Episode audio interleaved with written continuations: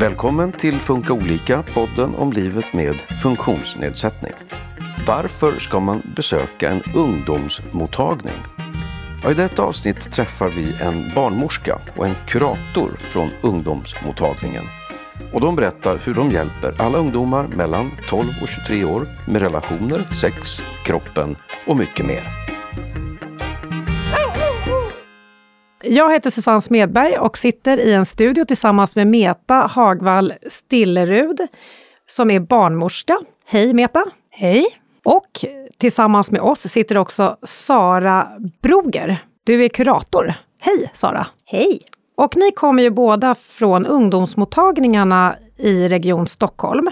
Och idag ska vi prata lite grann om vilka typer av frågor ungdomarna har när de kommer till er och vad man kan få hjälp med och hur ett besök hos er kan gå till. Men först, ni har ju eh, gjort en funkisdiplomering av alla ungdomsmottagningar i Region Stockholm. Eh, vad innebär det? Det innebär ju att all ungdomsmottagningspersonal har gått en eh, utbildning eh, som handlar om egentligen kort och gott hur vi kan bli mer tillgängliga genom vårt bemötande. För det finns ju olika former av tillgänglighet. Det finns fysisk tillgänglighet som handlar om att vi ska ha bra lokaler. Men sen finns det också en massa saker som vi kan göra och tänka på i vårt bemötande för att bli mer tillgängliga. Till exempel att bara ha förståelse för hur tufft det kan vara för någon att sitta i ett väntrum. Eller hur jobbigt det kan vara att eh, förväntas titta någon i ögonen och, och ta emot muntlig information under en halvtimme, timme. Eller hur svårt det kan vara att göra val när man ska välja preventivmedel. Och det är ju, vi vill ju vara ungdomsmottagningar för alla oavsett hur man fungerar. Så där har ju vi ett ansvar, en skyldighet att se till att det är så verkligen. Att oavsett hur man funkar så ska man kunna känna sig välkommen på ungdomsmottagningen eh, och också få bra hjälp. Och eh, vad kan man eh, få hjälp med hos er i stora drag? Man kan säga att man kan få hjälp med sin sexuella hälsa som handlar om hur, man, hur kroppen fungerar, hur man kan få hjälp med till exempel om man inte vill bli gravid, hur mens fungerar, allting som rör liksom kroppen och sin sexualitet. Och sen kan man också få hjälp med eh, sin psykiska hälsa som handlar om hur man känner sig eller hur man mår i livet. Jag ska gå in lite närmare på det, men eh, vilka träffar man hos er? Ja, alla ungdomsmottagningar har ju barnmorskor och kuratorer, men så har vi också läkare på plats. Kanske inte varje dag, men åtminstone någon gång i veckan. Grundläggande fråga, vad är sex? Alltså sex kan vara massor av olika saker och det här brukar vi prata mycket om på ungdomsmottagningen. För många tänker ju att sex, det är liksom penis i slida sex. Och det blir ju tokigt för att det absolut mesta sex som de flesta brukar ägna sig åt, det är ju egen sex, alltså att man onanerar, sex med sig själv. Sen så blir det också lite tokigt om man tänker att sex är bara det här penis i slida sex eftersom att det finns massa människor som aldrig någonsin har sex på det sättet. Utan man kanske två sidor har sex eller penisar har sex eller eh, man har annan typ av sex. En person som har slida en person som har penis. Till exempel som gnidsex eller smeksex eller kyssar eller hångel som också är en jätte, jättevanlig typ av sex. Eh, är det ett eh, problem att man ofta tänker sex att det är penis eh, i slida? Ja men det kan ju vara det om man till exempel eh, inte egentligen vill ha det. Alltså man tänker så här, men det här måste jag ha för att kunna ha sex, men det kanske gör ont eller eh, det blir jättesvårt med en stånd. Eh, och så kanske man låser sig lite med den där tanken att jo, men så här ska sex vara. Fastän det finns massa, massa sätt eh, på att ha sex på, eller att ha skönt tillsammans med sig själv och andra. Och jag tänker det är ju det som är själva syftet med sex, att det ska få vara härligt och skönt och eh, tillfredsställande. Upplever ni ändå att de här eh, tankarna eller normerna har blivit lite friare de senaste åren eller är det fortfarande sådär uh, penislida sex är det som är sex? Oj, vilken svår fråga. Nej, men jag tänker att, att det är en ganska stark norm. Så upplever jag själv i alla fall. Eh, inte bara bland ungdomar utan också bland vuxna. Vad säger du Meta? Nej, men jag håller med. Ja, men hur, hur, det ser ut i film så är det ju ofta det här. Eller när man säger, har du haft din, eh, sam, eh, din sexdebut? Så menar man oftast underförstått att det handlar om eh, penis i slida sex. Eller när man frågar, har, är du oskuld? Så ja, jag är 40 år och haft, har två barn ihop med min fru. Jag har aldrig haft penis i slida sex. Det blir jättekonstigt att jag är oskuld då. Mm, verkligen. Eh, om vi går in på lite mer detaljer då. Eh, Meta, du som är barnmorska, eh, vilka frågor brukar man komma med till dig? Ja, det är väldigt mycket, men eh, exempelvis så kan man komma med om man har problem med mensen, eh, eller om man behöver ett preventivmedel kanske, eller om man har någon fråga kring sitt könsorgan och skulle vilja ha en undersökning till exempel. Till oss barnmorskor kommer man om man har frågor runt kroppen mycket och då eh, reproduktionsorganen, alltså könsorganet eller det som ingår i det reproduktiva systemet, alltså eh, inre könsdelar, menstruation, sådana saker. Du sa eh, menssmärtor eller menstruationsproblem. Eh, på vilket sätt kan man få hjälp med det?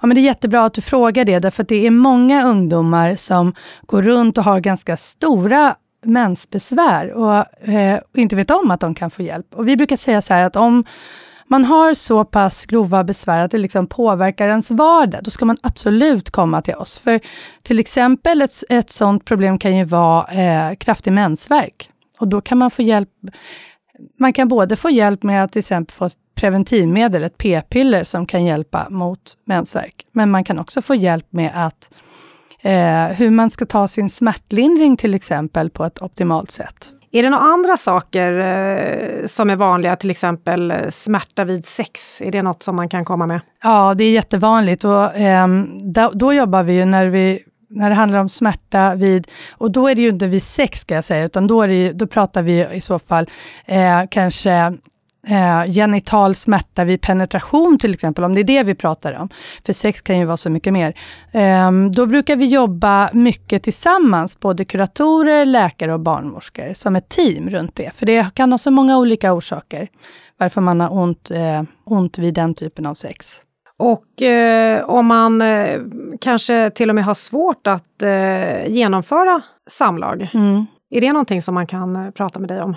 Absolut, absolut. Vad kan det vara för eh, orsaker till det då? Ja, då, det får man titta närmare på, vad man menar med svårt att genomföra samlag, om det är så att eh, det är det första vi gör då. Om någon kommer och säger att den har svårt vid, vid att genomföra samlag, då, då pratar vi rätt mycket om och frågar om vad är det som gör att det är svårt? Um, är det att, uh, att det gör ont precis, uh, precis vid penetrationen? Eller uh, hur gör det ont? Var gör det ont? Eh, och på vilket sätt? Liksom, för att sen kunna utreda vad det kan bero på. För det kan ha så många orsaker. Det kan handla om att man kanske har en, om man till exempel plötsligt får ont, fast man aldrig har haft det tidigare, och så kommer det samtidigt också att man har klåda och sveda, ja men då kanske det är en svampinfektion. Medan om man, man kanske har varit med om något svårt eller något trauma och, mår, och, och, och det väcker väldigt obehagliga känslor, ja men då kanske det finns andra faktorer som gör att det känns väldigt jobbigt. Så det är så man måste arbeta. Och andra typer av besvär man kan ha som inte har med sex att göra, vad kan det vara för något? Till exempel? Ja, det är ganska vanligt att man kommer till exempel ha frågor kring sina flytningar till exempel. Eh, man kanske tycker att de har börjat lukta på ett annorlunda sätt. Man kanske är rädd att man har fått en könssjukdom eller att man har fått någon annan typ av obalans. Då kan man få hjälp med det till exempel. Så det kan vara allt möjligt. Man kan det är vanligt att man kommer med olika prickar eller, eller andra sådana där saker som man undrar kring. Vanligt att killar eh, i puberteten kommer för att de har trång förhud till exempel. Det är ett ganska vanligt bekymmer för många killar under puberteten, som oftast går över av sig själv, men som man kan behöva hjälp med. Och det är alltid bra att komma och fråga i så fall. När kopplas läkare in? Eh, ja, det, det, är lite olika. Det kan till exempel vara, om, om, om det är så att man, har, att man behöver något läkemedel, då är det ju så att barnmorskor kan förskriva preventivmedel, men andra läkemedel ska förskrivas av doktor. Så att till exempel eh, om man har trång förhud och behöver en kräm, så kan en sån, då kan det vara en anledning till att man behöver träffa en doktor. Eller om man behöver starkare smärtlindring än det som finns receptfritt för sin mensvärk till exempel. Och om man har eh, funderingar eller orolig kring sitt könsorgan, mm. hur eh, pratar du om det? Då är det ju jätte, jättebra att komma, för det är ofta så att man har man går runt med en massa funderingar och oro eh, alldeles i onödan. För det är ju så att våra könsorgan är precis lika individuella som våra ansikten.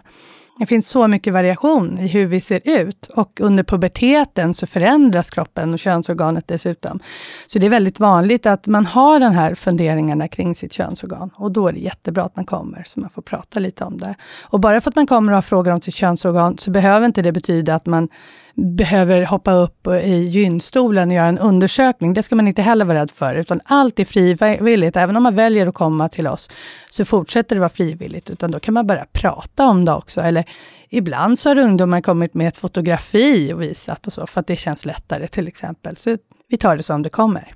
Det här med gynstol, är det något som folk generellt är nervösa över? Ja, eh, och därför avsätter vi extra mycket tid på ungdomsmottagningen för det också, därför att vi vet om att eh, många är nervösa, speciellt om det kanske är första gången. Eh, så att vi har, då gör vi så att vi tar god tid på oss och vi berättar om allting i förväg och förbereder och säger hela tiden vad vi gör.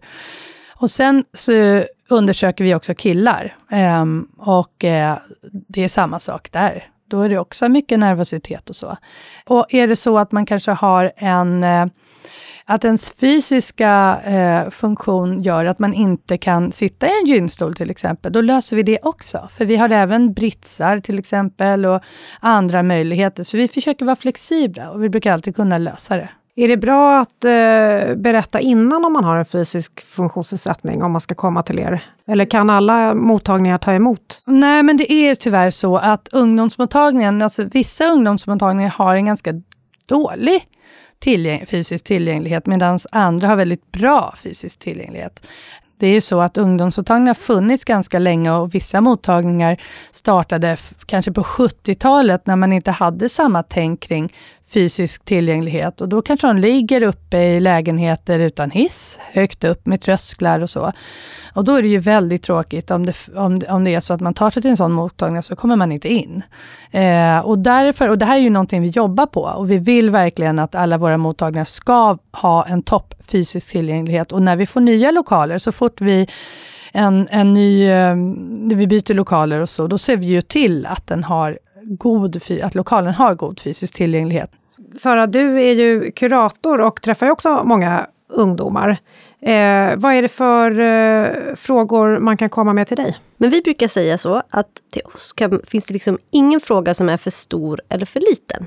man kan alltid komma till oss och prata om det som man själv behöver. Och det är ganska olika också vad folk kommer att prata med oss om. Är det några frågor som du skulle säga ändå är liksom vanliga frågor? Absolut. Um, det är ganska vanligt att komma för att man känner sig ofta ledsen, eller ofta arg, eller ofta rädd. Och vad det är man till exempel är rädd för, det kan vara ganska varierat. Men vissa kommer och känner att det blir jättesvårt när man ska umgås med folk. Att man blir orolig för att andra ska döma en eller se ner på en.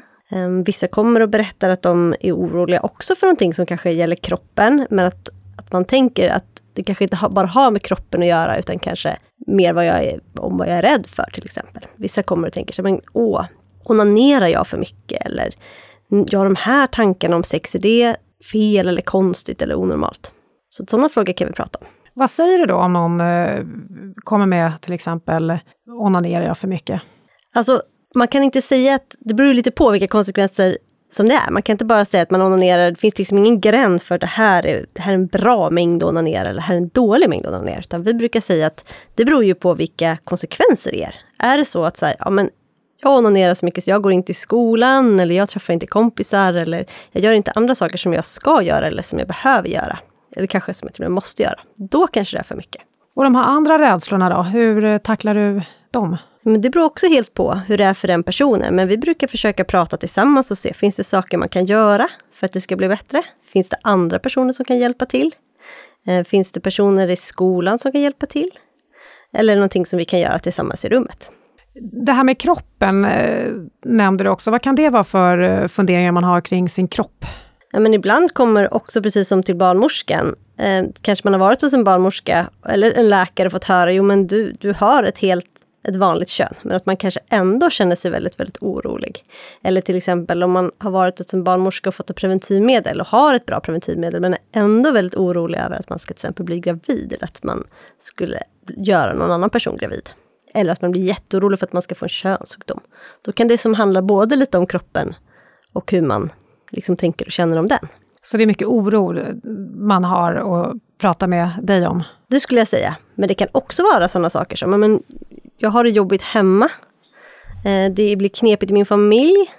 Ehm, det blir knepigt med min partner, det blir svårt, vi bråkar mycket. Eller jag skulle vilja vara ihop med någon, men jag vet inte hur jag ska göra för att bli ihop med någon. Ehm, hur ska jag visa någon att jag är intresserad? Mycket sådana frågor också. På vilket sätt kan man stötta ungdomarna då? Vi brukar försöka som sagt att liksom tillsammans fundera kring, liksom slå våra kloka huvuden ihop. Okej, men vad är det som du skulle vilja, liksom, hur vill du att det ska vara och hur kan vi i så fall nå dit? Vilka steg skulle man kunna ta på den vägen? Och är det några frågor som är liksom extra känsliga som du får? Alltså jag skulle nog säga att de flesta känner att alla frågor som man kommer med är extra känsliga. För att till oss kommer man ju ofta utan kanske att någon annan vet att man kommer till oss. Det är inte alltid, ibland så vet folk om det och det bestämmer man helt själv. Men man kan ju komma till oss i alla fall om ingen vet. Och om man har varit med om något eh, svårt eller något jobbigt, eh, vad gör du då? Ja, det är ju också vanligt att folk kommer till oss och berättar att de har, att någon har kanske tagit på ens kropp eller skickat bilder till en som man inte ville skulle bli skickade eller att, att man har tagit kanske nakenbilder på sig själv, att någon annan har spridit dem. Um, eller att någon slår en, det är också ganska vanligt. Eller att man har gjort de här sakerna mot någon annan. Och då är det ju samma sak där. Då måste vi verkligen ta reda på hur vi ska göra för att det ska sluta. För det är ju inte okej. Alla de här sakerna som jag pratar om nu, det är ju brott. Man får inte ta på någon persons kropp om inte den vill det. Du sa att man ofta kommer utan att någon vet om det. Finns det tillfällen när ni ändå behöver berätta för någon annan att man har varit där? Man kan säga så här, att själva huvudregeln är att vi får absolut inte berätta någonting av vad som sägs på ungdomsmottagningen till någon annan. Enda gången vi får göra det, det är om vi blir oroliga för en person under 18 år. Då är det tvärtom, då måste vi försöka hjälpa den personen. då kan det vara så att vi måste prata med till exempel eh, vuxna omkring. Vad är det för exempel då som man kan bli, när man blir orolig? Men till exempel om en ungdom berättar för mig så här, ja ah, men jag tänker jättemycket på att jag inte vill leva. Och jag tänker faktiskt att jag ska ta mitt liv. Då blir jag ju orolig. Då måste jag ju försöka hjälpa den personen så att inte den tar sitt liv. Meta, om vi går över lite till sånt som är av mer medicinsk karaktär. Könssjukdomar. Hur sprids det och vad kan man behöva veta om könssjukdomar? Eh, ja, men könssjukdomar är ju sjukdomar som sprids eh, via olika former av sex, kan man säga. Eh, och det är ju nästan alltid så, i de flesta fall så, att det smittar via slemhinnekontakt. Slemhinnor, det är ju de här röda, fuktiga delarna av huden som eh, insidan av eh, vagina till exempel, eller eh, eller inne i eh, rektum eller så. Eh, så att ehm, de flesta könssjukdomar smittar så, men, eh, fram, men det som är gemensamt för könssjukdomar är ju att de smittar via sexuell kontakt. Den absolut vanligaste könssjukdomen i Sverige och också den absolut vanligaste könssjukdomen bland ungdomar är ju klamydia. Och eh, ja, det smittar via till exempel eh, omslutande eller penetrerande samlag eller eh, analt samlag. Eh, det kan också smitta eh, via oralsex, men inte alls lika stor risk. Eh, det smittar inte via kyssar till exempel, kan smittar inte via att man rör vid en yta där det hamnar klamydiabakterier, till exempel om man skulle sitta på en toastol där någon annan, på en sits som någon annan med klamydia har suttit, så smittar det inte så, utan det är via sexuell kontakt kan man säga. Eh, och om man har haft oskyddat, eh, något oskyddat sex av det här slaget som jag precis nämnde, så, så är det jättebra om man kommer och testar sig när det har gått en vecka efter det tillfället. Eh, därför att man kan ha klamydia utan att veta om det själv, för det behöver liksom inte ge några besvär som man märker. Men även om det inte ger några besvär som man märker, så kan det ställa till det inne i kroppen om man har otur, eller så kan man sprida smittan vidare eh, till någon annan. Hur går ett sånt där test till då? Eh, ja, det beror på om man har penis eller vagina. Om man har penis, då får man lämna ett litet urinprov. Eh, om man har vagina så tar man en liten bomullspinne eh, och tar ett litet prov i vaginan. Eh, och det beror också på eh, hur man har haft sex. Man kanske har haft eh, sex i rektum, alltså analsex, och då tar man, får man ta provet i rektum. Och har man haft oralsex eh, får man ta eh, testet i svalget. Så vi frågar alltid hur det är man har haft sex. Och eh, om man haft eh, oskyddad sex eh, och är orolig över att ha blivit gravid, är det också någonting man kan komma och testa ja, hos er? Det, ja, det är jättevanligt att man, man kommer för att man är orolig att man har blivit gravid. Och det första som är viktigt att veta, eller bra att veta i alla fall, är att om man har haft eh, oskyddat sex på ett sätt, ett, alltså sånt sex som kan göra att man blir gravid, alltså penis i slida sex, så kan man komma till oss eh, och få gratis ett sånt här som förut kallades dagen efter-piller, men också kallas akut-p-piller, eller PCA, eh, som är ett piller som är som en plan B kan man säga, som man kan ta upp till fem dagar efter ett oskyddat samlag. Det kan man komma och få gratis hos oss. Så då är det bara att komma förbi om man vill ha ett sånt. Man kan köpa sådana på apoteket också, men de är ganska dyra faktiskt. Eh, så det är det första man kan göra. Har det gått längre tid än så, då kan man komma till oss och ta ett graviditetstest. Eh, det får man också gratis hos oss. Och är det då så att det skulle visa sig att man är gravid, nu sa ju du om man är orolig, så då utgår vi ifrån att någon inte vill vara gravid. Då pratar vi om det. Och hur ska vi göra då? Då kan det vara så att eh, man kanske bestämmer sig att Nej, men det här vill jag, jag vill avbryta den här graviditeten. Det kan man inte göra på ungdomsmottagningen, utan, men då hjälper, vi, eh, då hjälper vi den ungdomen vidare till rätt instans för att få hjälp med det. Det kan också vara så att man kanske, att det väcker en massa olika känslor och då får man också träffa, erbjuda dem att träffa kuratorn och då behöver inte det vara för en lång kontakt, utan just för att bara bolla det här just att, ja men vad gör jag nu? Jag har fått ett positivt graviditetstest. Och om man vill eh, undvika då könssjukdomar eller graviditet, hur eh, skyddar man sig bäst? Ja, om man då tänker på att könssjukdomar ofta smittar vi genom att slemhinnan möter en annan slemhinna, då kan man ju förstå att då behöver man använda någonting som gör att slemhinnorna inte möts och då kommer vi in på kondom.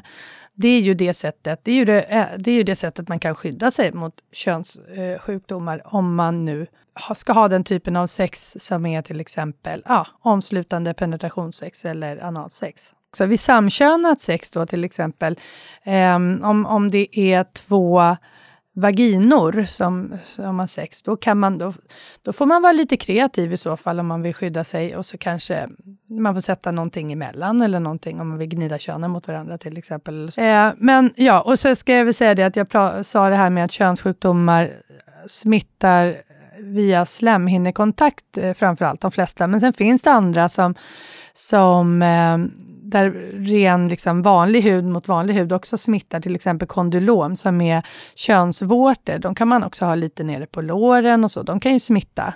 Eh, eller herpes till exempel. Kommer man eh, framförallt till er när man har ett problem eller kommer man ändå? Ja men det kan vara, eller att man vill ha hjälp med någonting som man kanske inte tycker är ett problem, men man kanske vill ha hjälp med. Till exempel så kommer ganska många ungdomar till oss för att de känner sig, ja, men den, det könet som jag har överensstämmer inte med eh, hur jag själv uppfattar mig. Eller hur andra uppfattar mig. Och så här, men jag vill ha eh, hjälp med det. Och då kan man komma till oss till exempel. Och kanske vissa tycker att det inte är ett problem. Det inte är så problematiskt, men vill ändå ha hjälp med det till exempel. Kanske ett eh, problem för omgivningen då som påverkar den unga? Ja, ibland är det det och ibland är det inte det. Det är ganska vanligt att det är det, men det finns också ungdomar där det inte känns som att det är så stort problem. Men man vill ändå ha viss kanske hjälp med eh, att man vill förändra sin kropp på något sätt. Hur hjälper du med det då? Då så skickar vi en, en remiss då, så att man kan komma vidare, få hjälp med det. Men sen är det ju inte alla, även om det är så att man känner sig, men jag funderar mycket kring min könsidentitet, alltså hur man liksom uppfattar sin, eh, sin identitet kring kön. Eh, så är det inte alltid så att ja, men jag vill göra någonting åt det, utan man kan ju verkligen, många kommer till oss och bara vill prata kring könsidentitet och funderingar kring det. Sexualitet, är det också någonting som man eh, grubblar över och vill prata om. Verkligen, absolut. Ehm, det är ju vanligt. Både, ibland kan det vara så att man har haft någon tanke om att men jag är ju hetero och sen så börjar man få tanken att jag kanske inte är det och så blir det en jättestor grej, man blir orolig och bekymrad. Och för andra så är det på helt andra sätt, det är jätteolika. Men sexualitet kan verkligen vara en sån tema som många kommer och vill prata om. Men jag skulle vilja säga om det här med ifall man söker för ett problem, att det är väldigt vanligt att man söker också, att det inte alls handlar om problem, utan att det handlar om nyfikenhet och glädje. Och att man kanske kommer av den anledningen, att nej, men nu är man superpepp inför att man eh, känner att man kanske vill eh, börja ha sex med en partner och, och därför eh, behöver ett preventivmedel till exempel. Eller bara att man har man inte har någon att prata med om frågor som rör eh, sexualitet till exempel. Eh, så att man vill eh, fråga någon vuxen som man vet kan ta emot de här frågorna, för man kanske inte har en sån i sin omgivning. Och då kommer man av den anledningen. Verkligen, och så kan det också vara hos kurator. Alltså mm. att, man, eh, att man vill ha någon vuxen som inte dömer en. Och det känns ju bra när vi kan vara sån vuxen. Mm. Precis. Det är ju det som är vårt uppdrag egentligen, att vara den där vuxna som man ska kunna komma till och få prata med i förtroende och en vuxen som är van att prata med, om de här sakerna. För vi vet ju att ungdomar vill ha vuxna att prata med om sexualitet och sexuell hälsa och sådana saker. Och om man vill prata med till exempel någon av er eller träffa någon av er, hur eh, gör man då? Hur hittar man en ungdomsmottagning? Ja, det finns flera ingångar faktiskt. Eh, man kan gå in på umo.se till exempel. Där kan man hitta alla mottagningar i hela Sverige. Där kan man bara söka på till exempel den stad man bor i, så kommer det upp eh, vad det finns för ungdomsmottagning där. För vi finns ju i hela landet faktiskt. Man kan också eh, nå oss genom att bara googla eh, ungdomsmottagningen och eh, Region Stockholm så kommer en lista upp över alla våra ungdomsmottagningar och där står ju våra telefonnummer så kan man ringa till oss. Eller så kan man gå in via 1177, Vårdguiden. Eller så kan man eh, gå in via Alltid öppet om man vill träffa oss online hellre. Och man kan också chatta om man, om man känner sig tryggare med det, att börja så. Så kan man chatta med ungdomsmottagningen också, via Allt är öppet. Eh, finns det något annat sätt? Man kan också komma förbi. Eh, ofta är det ju så att man blir inbjuden eh, i, i sjuan, åttan, där någonstans i högstadiet till ungdomsmottagningen. Och så får man komma via skolan. Nu har, det varit, nu har det inte varit så på grund av corona, men det hoppas vi öppna upp igen, våra klassbesök. Ni har ju sagt att man eh, kan komma utan att någon annan eh, får reda på det. Mm. Om man har till exempel eh, assistans eller behov av hjälp för att ta sig till och från ställen, men ändå inte vill att någon av dem ska veta att man kommer, kan ni stötta även de ungdomarna att ja, komma till er? Absolut. Då är det bra om man ringer oss, om man till exempel behöver ledsagning från tunnelbanan eller så. Då är det bra om man ringer oss innan, så ordnar vi det. Ni har ju eh, åldersgruppen 12 till 23 år. Finns det utrymme att komma även om man är yngre eller äldre? Om man är yngre, eh, så det finns ingen fast nedre gräns. Eh, men det handlar lite om vad frågan gäller. Ibland eh, så hänvisar vi till eh, barnläkarmottagning eller så. Det beror lite på. Men om det till exempel gäller menstruella besvär, om man är 10-11, så hjälper vi till med det förstås. Övre gränsen lite svårare, men då finns det andra mottagningar som man kan komma till istället när man har fyllt 23. och då har vi till exempel ehm, mansmottagningen som vänder sig till personer som definierar sig som män. Och så har vi eh, Stockholms mottagning för sexuell hälsa. Den vänder sig till eh, både till personer som definierar sig som män och som kvinnor, och, eller som inte vill definiera sig. Sen har vi även i Stockholm eh, RFSU-kliniken vid Medborgarplatsen som man kan gå till, som är ungefär som ungdomsmottagningen fast för vuxna. Om man är förälder då och eh, har frågor som rör ens ungdom, kan man höra av sig till er också då? Det går jättebra. Mm, om man är förälder och vill ha frågor så kan man höra av sig till oss. Men det är aldrig så att vi kan träffa en ungdom om ungdomen inte vill det. Utan det är alltid på uppdrag av ungdomen. Så även om det ringer en förälder och säger så här, ah, men det skulle vara så himla bra om du träffade mitt barn, så kan inte vi göra det om inte ungdomen säger så här, men det vill jag. Men fråga kan man alltid göra kring andra saker. Det här med om man har funktionsnedsättning då, vi har varit inne lite på fysisk funktionsnedsättning, att man behöver gå till en särskild mottagning kanske. Men i övrigt då, är det någonting som ni behöver veta innan man kommer? Nej, det behöver vi egentligen inte veta, utan vi, har, vi utgår ju alltid från vad som händer i mötet. Du har ett individuellt bemötande och så försöker vi känna in vad som behövs i, i, i varje möte med varje ungdom. Men ibland kan det ju vara så att vissa ungdomar tycker att det känns viktigt att vi känner till funktionsnedsättningen och då går det jättebra. Då, då vill vi gärna veta det, om det känns bra för ungdomen. Och hur brukar de unga må efter att de har varit på ett besök hos er? Jättebra. det är nog lite olika, men de absolut allra flesta brukar känna sig ganska lättare, för de flesta har varit nervösa innan.